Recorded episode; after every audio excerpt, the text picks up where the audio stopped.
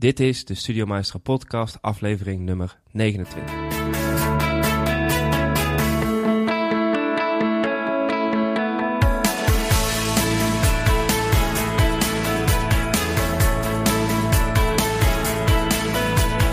Welkom bij deze nieuwe aflevering. Mijn naam is Dennis van Leeuwen.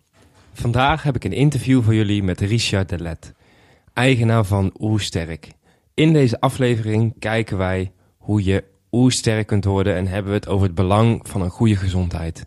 Iets wat er vaak inschiet bij ons ondernemers. Vaak zitten we de hele dag achter onze laptop en dit is eigenlijk helemaal niet goed voor je lichaam.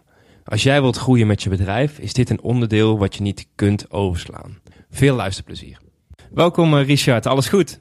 Ja, Dennis, dankjewel. Alles goed hier. Uh, ja. Met jou ook? Ja, zeker. Leuk om te horen. Bij mij gaat ook uh, alles goed. En misschien zou jij uh, ja, de luisteraars een uh, introductie kunnen geven over jezelf.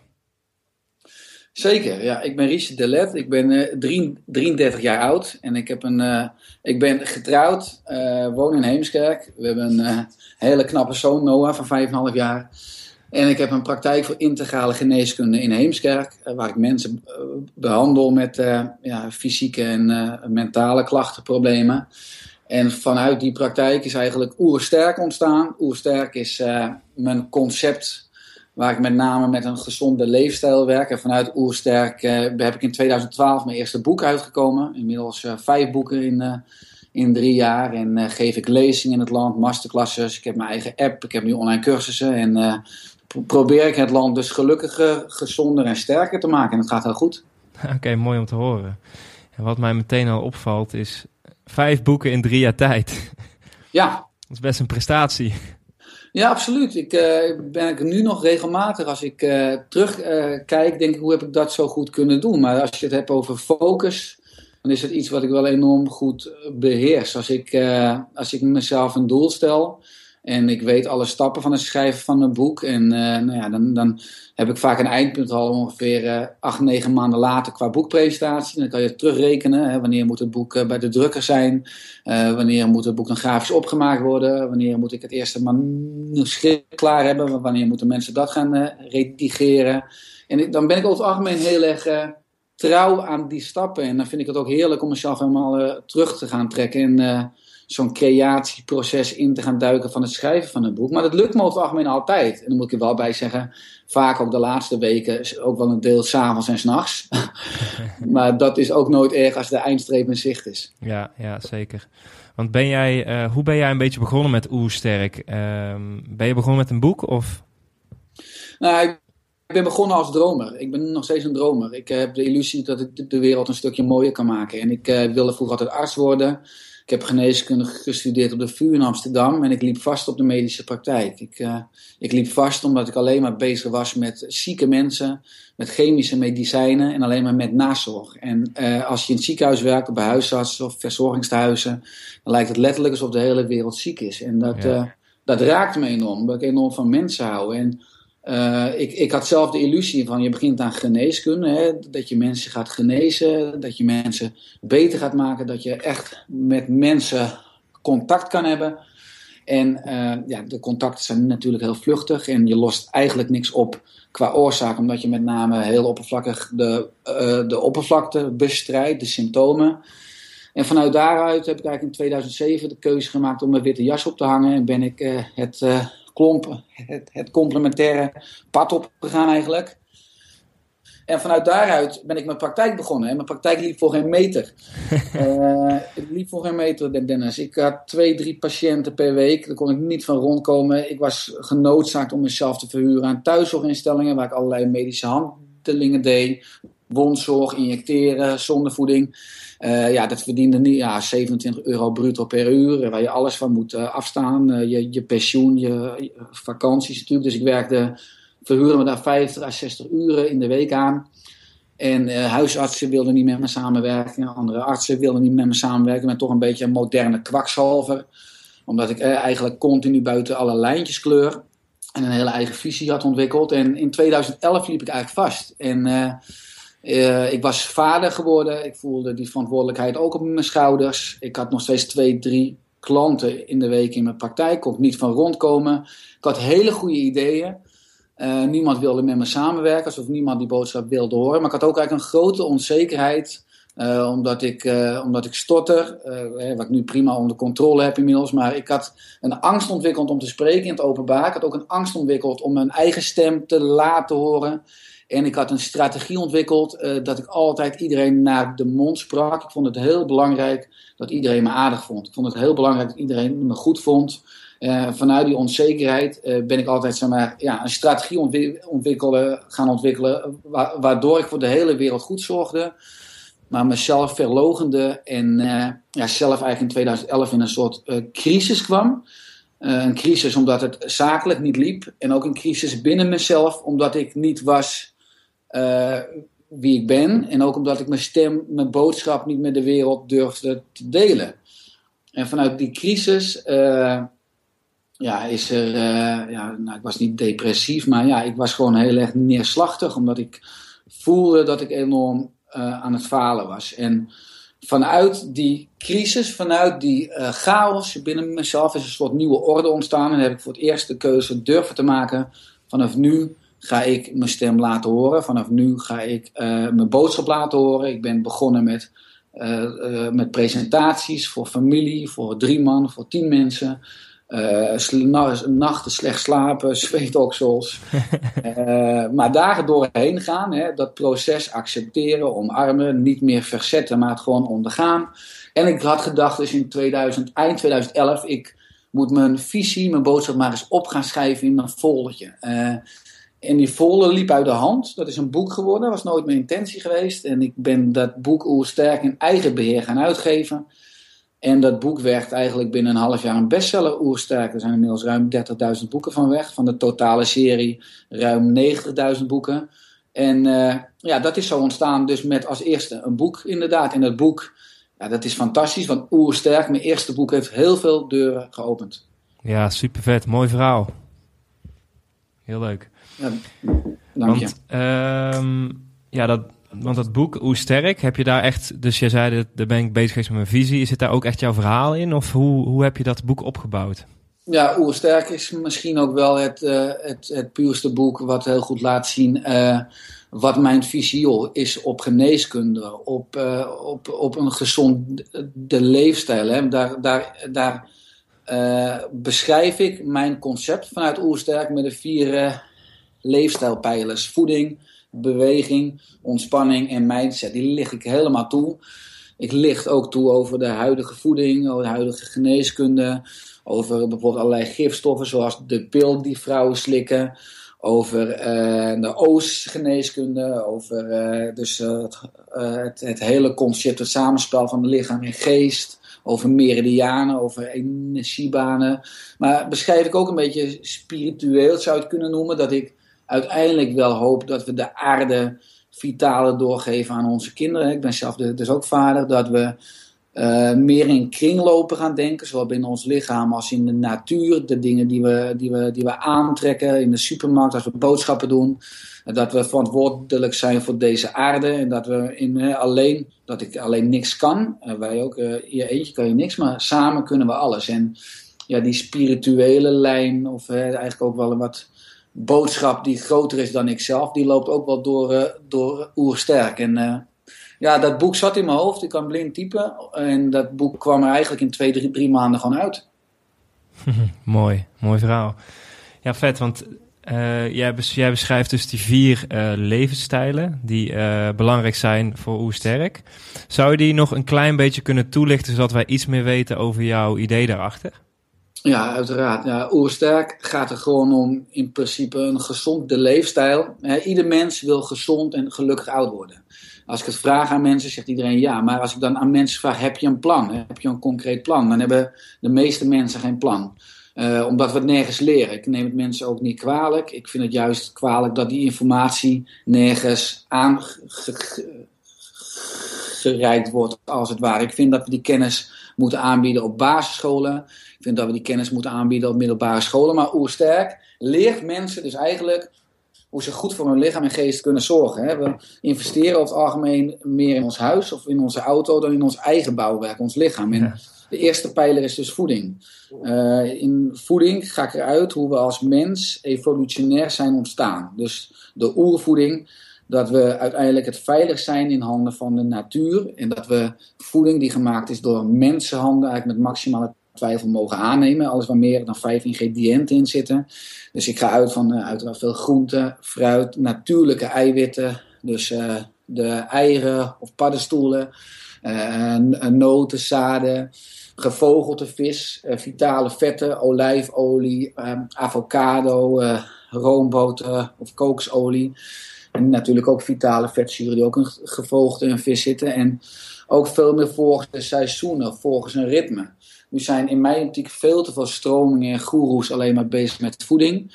Maar voeding op zich is een, uh, een lege huls. Kan je vrij weinig mee. Het staat altijd in relatie met betrekking bijvoorbeeld van beweging. Oorspronkelijk moest de mens altijd eerst de pastinaak uitgraven, of de bessen plukken, of de noten kraken. Dus je moest altijd eerst energie verbruiken, voordat je energie kon innemen. Dat is een hele gezonde koppeling die in de huidige maatschappij eigenlijk zoek is. Dus, dus beweging gaat altijd samen met voeding. Nou, die koppeling maak ik ten eerste. En daarnaast is het even belangrijk, of misschien wel het belangrijkste, of je uh, ontspannen bent. Of je in een ontspannen toestand eet. Want als je gespannen bent, hè, als je gestrest bent, dan staat een heel ander deel van het zenuwstelsel aan, de sympathicus, hoe dat genoemd wordt. En dat doet iets heel anders dan met de verwerking en de opslag van voeding. Dat slijt veel sneller op als vetcellen. In plaats van als je in een ontspannen toestand eet, de parasympathicus, het andere deel van het zenuwstelsel, waarin je voeding dus heel erg kan gebruiken als bouwstof en als brandstof. En om je bouwwerk, je lichaam dus ook, uh, ook sterker te maken, om de goede hormonen in de hersenen aan te maken. Hè. Neurotransmitters genoemd dopamine en serotonine, waardoor je ook lekker in je vel zit. En uiteindelijk, hè, wat ik dus noem voeding, beweging, ontspanning, draait alles uiteindelijk om de mindset. Hè. Wat uh, uiteindelijk misschien wel ook een stukje zingeving. Waarom zou je biologisch eten? Waarom ga je bewegen? Waar beweeg je naartoe? Waarom sta je iedere ochtend op? Waarom spring je s'morgens uit bed? Wat is je, je, je levensdoel? Wat is je missie? Waar word je blij van? Waar wil je energie aan spenderen in dit leven? We zijn een evolutionaire flits aanwezig, een vonkje in de eeuwigheid. En wat wil je achterlaten? Waar wil je van waarde zijn? Uh, ik, ik geloof uiteindelijk dat ieder mens uh, een bepaalde missie heeft. Dat met een reden is, iets unieks heeft uh, wat je alleen jij kan toevoegen en wat niemand anders op die manier kan, zoals jij dat kunt. En, en die, ja, die parel, of hoe je het wil noemen, die moet je eigenlijk vinden. En als je die voelt, als je die ontdekt, hoe klein of, eh, of groot je die boodschap uh, ook kan overbrengen, ja, dat is uh, in mijn optiek de essentie van het leven. Dus qua mindset, je zelfvertrouwen, je zelfbeeld, is natuurlijk ook essentieel. Bijvoorbeeld als je naar voeding kijkt, je eet alleen een rotte appel als je een rotte appel voelt. Dus veel voedingskeuzes komen voort uit uh, ja, wat je denkt of wat je voelt. Dus uit die mindset. Dus mindset staat ook uh, bovenaan in mijn concept. Maar dat is dus ook je onderdeel voelen van een grote geheel. En iets volgens willen toevoegen aan het grote geheel. En dan kan je met een gezonde leefstijl. Kan je gewoon zo goed zorgen voor je lichaam, voor je geest, zodat je gezond bent, zodat je gelukkig bent, zodat je s morgens fris en helder uit bed springt, zin hebt aan een nieuwe dag, een positieve stemming hebt, dat je de, de lever of de mild of de hersenen precies die bouwstenen geeft die het nodig heeft om goed te kunnen functioneren, maar goed voor jou te kunnen zorgen. Het lichaam werkt iedere dag, iedere seconde heel hard voor jou, zodat je het leven kan leven, zodat je de dingen kan ervaren. iedere lichaamscel vindt iedere seconde 2000 biochemische reacties plaats. We zijn één groot wereldwonder. Ieder mens is het grootste wereldwonder, dat kan je amper voorstellen. Nou, als je dat zou inzien, maar met name als je dat gaat voelen, dan ga je anders kiezen. En dan ga je anders leven. En uh, ja, dat is uh, in een notendop wat ik met Voersterk wil, uh, wil overbrengen. Ja, vet. Ja, want je benoemde net eventjes de, bijvoorbeeld de pilaar be beweging. Je zegt van ja, eigenlijk ja, moet je eigenlijk bewegen om uiteindelijk ook te gaan verbranden. Um, kan ik daar ook uit opmaken dat het bijvoorbeeld heel verstandig is om bijvoorbeeld elke dag te bewegen? Want kijk, ik kijk natuurlijk even naar mezelf. En ja, ik zit ook heel vaak op het kantoor. En je raakte me ook toen je zei van gestrest eten. Zeg, uh, de helft van de tijd eet ik mijn boterhammetje ook wel eens achter mijn computer vandaan. Niet zijn dat... Dennis, niet meer. nee, je hebt me daar al mee getriggerd, maar um, zijn dat dingen waar je best wel snel goed resultaat mee kan halen? Ja, dat is, dat is helemaal waar. Je noemt eigenlijk twee dingen. Enerzijds zeg je dat we we zijn allemaal druk. Dat is ook een beetje een valkuil, waar ik misschien straks nog wat andere dingen over kan zeggen. Over drukte en eigenlijk uh, gebrek aan tijd. Of eigenlijk een gebrek aan aandacht. Of een, een, een, gebrek aan minder durven te gaan doen om uiteindelijk meer te bereiken. Maar uh, we zijn uiteindelijk, hebben allemaal drie evolutionaire zwaktes. En we hebben een voorkeur voor zoet en voor zout. Dus we hebben een voorkeur voor als we kunnen kiezen voor een uh, chocoladereep in plaats van een appel omdat het meer energie geeft in zo min mogelijk tijd. En evolutionair was het altijd een Nou, de tweede zwakte is dat we een voorkeur hebben voor lui zijn. Dus wat je zegt, ik, heb, ik werk in mijn praktijk achter een stabureau. Want als er een stoel staat, dan ga ik zitten. We hebben een voorkeur voor lui zijn. We hebben een voorkeur voor het sparen van energie. Dat was ook oorspronkelijk een voordeel in een omgeving waar schaarste was, dus de oorspronkelijke oeromgeving. Maar nu leven we in een oververvloedige omgeving. We kunnen iedere dag drie keer per dag eten. Zeven dagen per week. Op zondag hè, is de Albert Heijn en de Jumbo ook open. Dat is een van de slechtste dingen die we, wat we kunnen doen. Iedere dag drie keer per dag eten. Maar misschien komen we er ook nog op terug. Dus we moeten er ligt veel meer macht in het veranderen van onze leefomgeving dan mensen gaan vertellen wat gezond is. En dat brengt me bij de derde evolutionaire zwakte. We denken dat we rationeel zijn, we denken dat we verstandig zijn, maar dat zijn we niet. We kiezen primair instinctief. We kiezen primair reflexmatig hè, voor uh, dat ongezonde eten wat gewoon aangeboden wordt bij de benzinepomp en bij het pretpark en bij de sportkantine en in centerparks en in Green Parks. Uh, als er een stoel staat, ook in de trein of in de metro of op kantoor, gaan we gewoon zitten. Als we kunnen kiezen tussen een roltrap en een gewone trap, pakken we de roltrap. Omdat in onze handleiding, in onze genen, het programma verankerd zit om energie te gaan sparen. Wat oorspronkelijk een voordeel was, maar in de huidige maatschappij is dat een nadeel. En dikke, obese mensen zijn eigenlijk normale mensen in een, in een compleet abnormale omgeving. Ja, ja mooi gezegd. Ja, want je zei het net al eventjes, uh, die drukte en die aandacht, dat dat een belangrijk onderdeel was. Kun je daar wat verder op, voort, op voortborduren? Ja, ik denk dat uh, veel mensen, ondernemers, maar dat ook gewoon, gewoon mensen tijd tekort hebben. Te veel dingen willen, te veel dingen willen doen, te veel dingen willen volgen. Ik ook nog, uh, nog vaak hoor. En als je, in, als je druk hebt, als je stress hebt, dan val je terug op oude reflexmatige patronen, omdat die het minste energie kosten.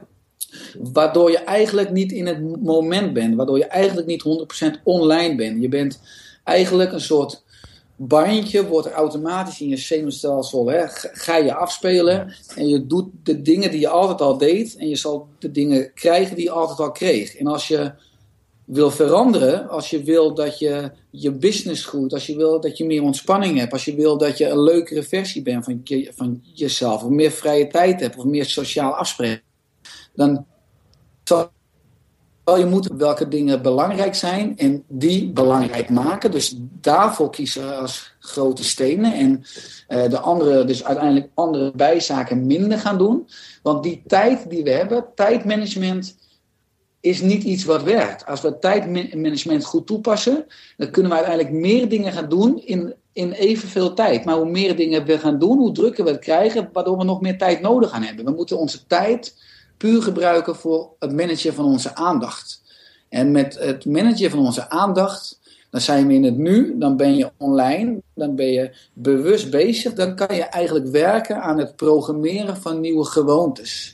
En met het programmeren van nieuwe gewoontes, eh, die je alleen maar kan doen met aandacht, kan je werken aan gezondheid en aan geluk. Dat zal dan toe gaan nemen. Met aandacht kan je genieten van je, hè, van je kinderen, of van, van je hobby's, of van je natuur, of van je business. Ik heb vaak dat ik een heleboel leuke dingen, ik een heleboel leuke mensen, boeiende mensen ontmoet maar het toch niet leuk vind, omdat het zo verschrikkelijk druk is en al die afspraken aan elkaar geplakt zitten. En ik, moet s'avonds een eh, podcast opnemen, of waardoor ik mijn dag veel te vol plan.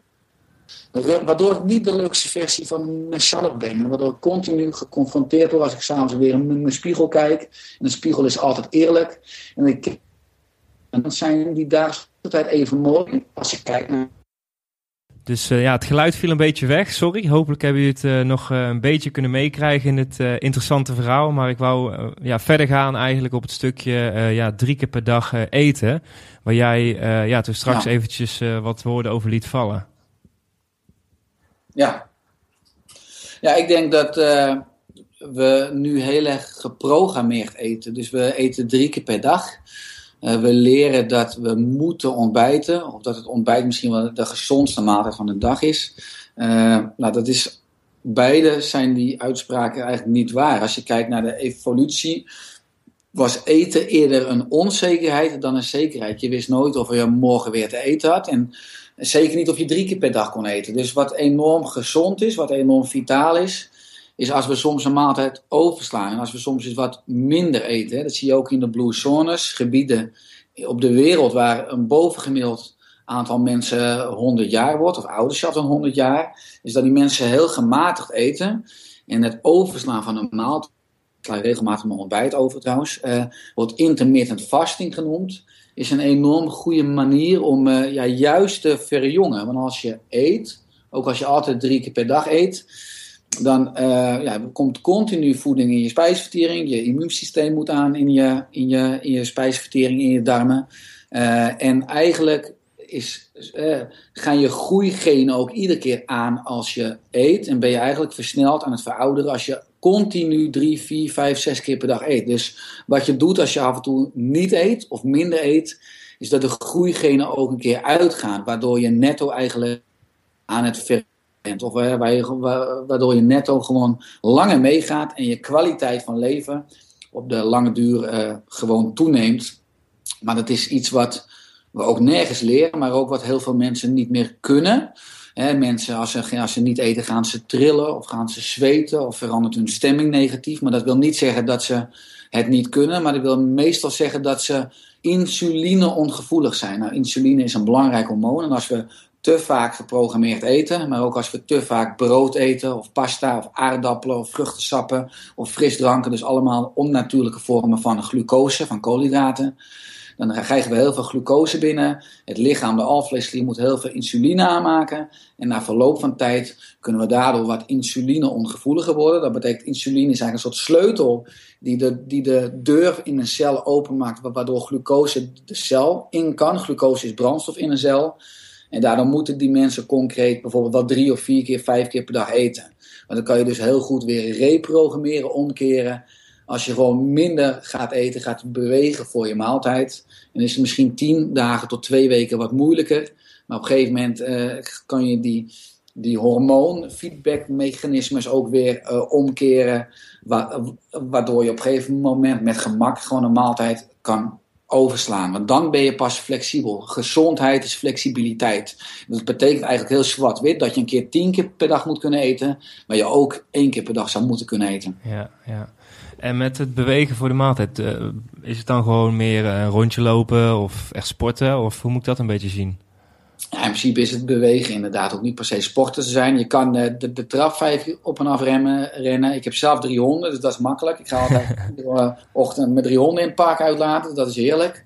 Ook gelijk een beetje opladen in de natuur. Dat kan ook zijn eerst naar je werk toe fietsen. Uh, en op je werk bijvoorbeeld pas, uh, pas ontbijten.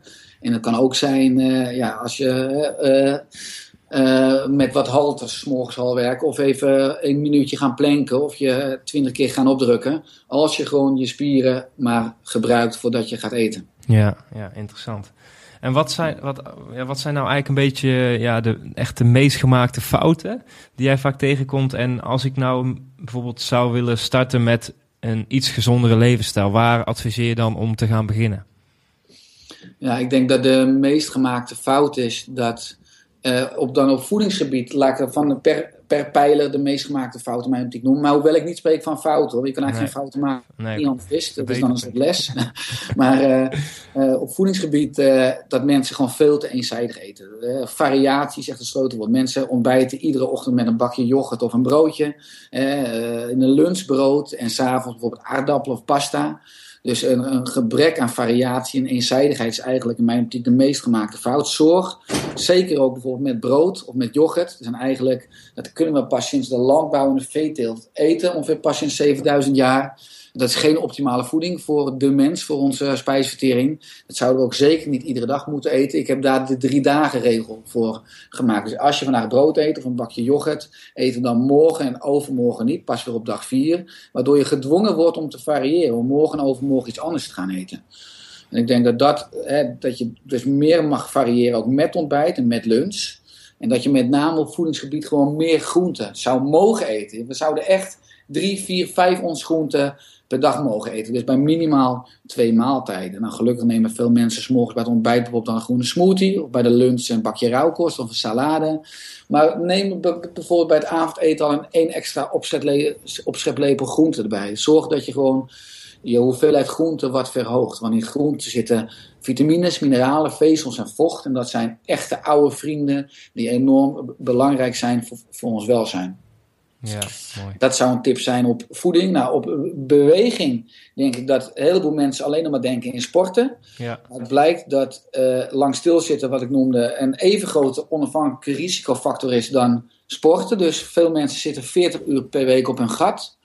En gaan iedere avond een uur sporten. Dus sporten 5 uur per week. Nou, zelfs met die 5 uur sporten kan je de schade van 40 uur stilzitten niet compenseren. Dus het gaat eigenlijk om een. Uh, actieve leefstijl en sporten. Zorg dat je maximaal een half uur aan een uurtje op een stoel zit. En ga, ga dan gewoon even een minuutje of twee minuutjes van je stoel af. Dus ik heb mijn eigen werkomgeving, richt ik heel erg onhandig in. Als ik in mijn praktijk werk, ik werk op de begane grond, mijn printer staat boven. Dus elke keer als ik print, moet ik naar boven toe lopen. Nou, dat zeggen patiënten ook van, ja, maar Riesje, dat is toch onhandig? Je kan je printer toch beter nou, dus de, als, mensen, als mensen thee willen of koffie, alles staat boven. De waterkoker, het koffieapparaat. Dus ik loop wel gemiddeld vijf keer per uur naar boven toe. Dus dat is heel erg onhandig. Maar die grapjes, die, die, die, die, ja, die grapjes heb ik een beetje ingebouwd, expres in mijn leefomgeving, zodat ik gedwongen word om, om regelmatig van mijn stoel af te gaan als ik zit. Ik sta ook veel achter mijn stabureau. Maar zo zou je ook met dat soort uh, ja, grapjes je leefomgeving kunnen uh, verbeteren, zodat je letterlijk gedwongen wordt om wat vaker je stoel uit te komen. Ja, ja. Nou, dat is denk ik een belangrijke les op beweging. En de laatste dan, als je kijkt naar ontspanning, wat je zelf ook noemde, ik denk dat het belangrijk is dat, uh, dat we gewoon wat vaker uh, ontspannen. Dat we wat vaker dingen doen waar we echt energie van krijgen, waar we, ik noem het dan, waar we in flow bij zijn. En het is ook belangrijk als je eet, of je nou ontbijt of lunch, dat je het liefst met mensen doet, ook op je werk met mensen doet, hè, waar je een klik mee hebt.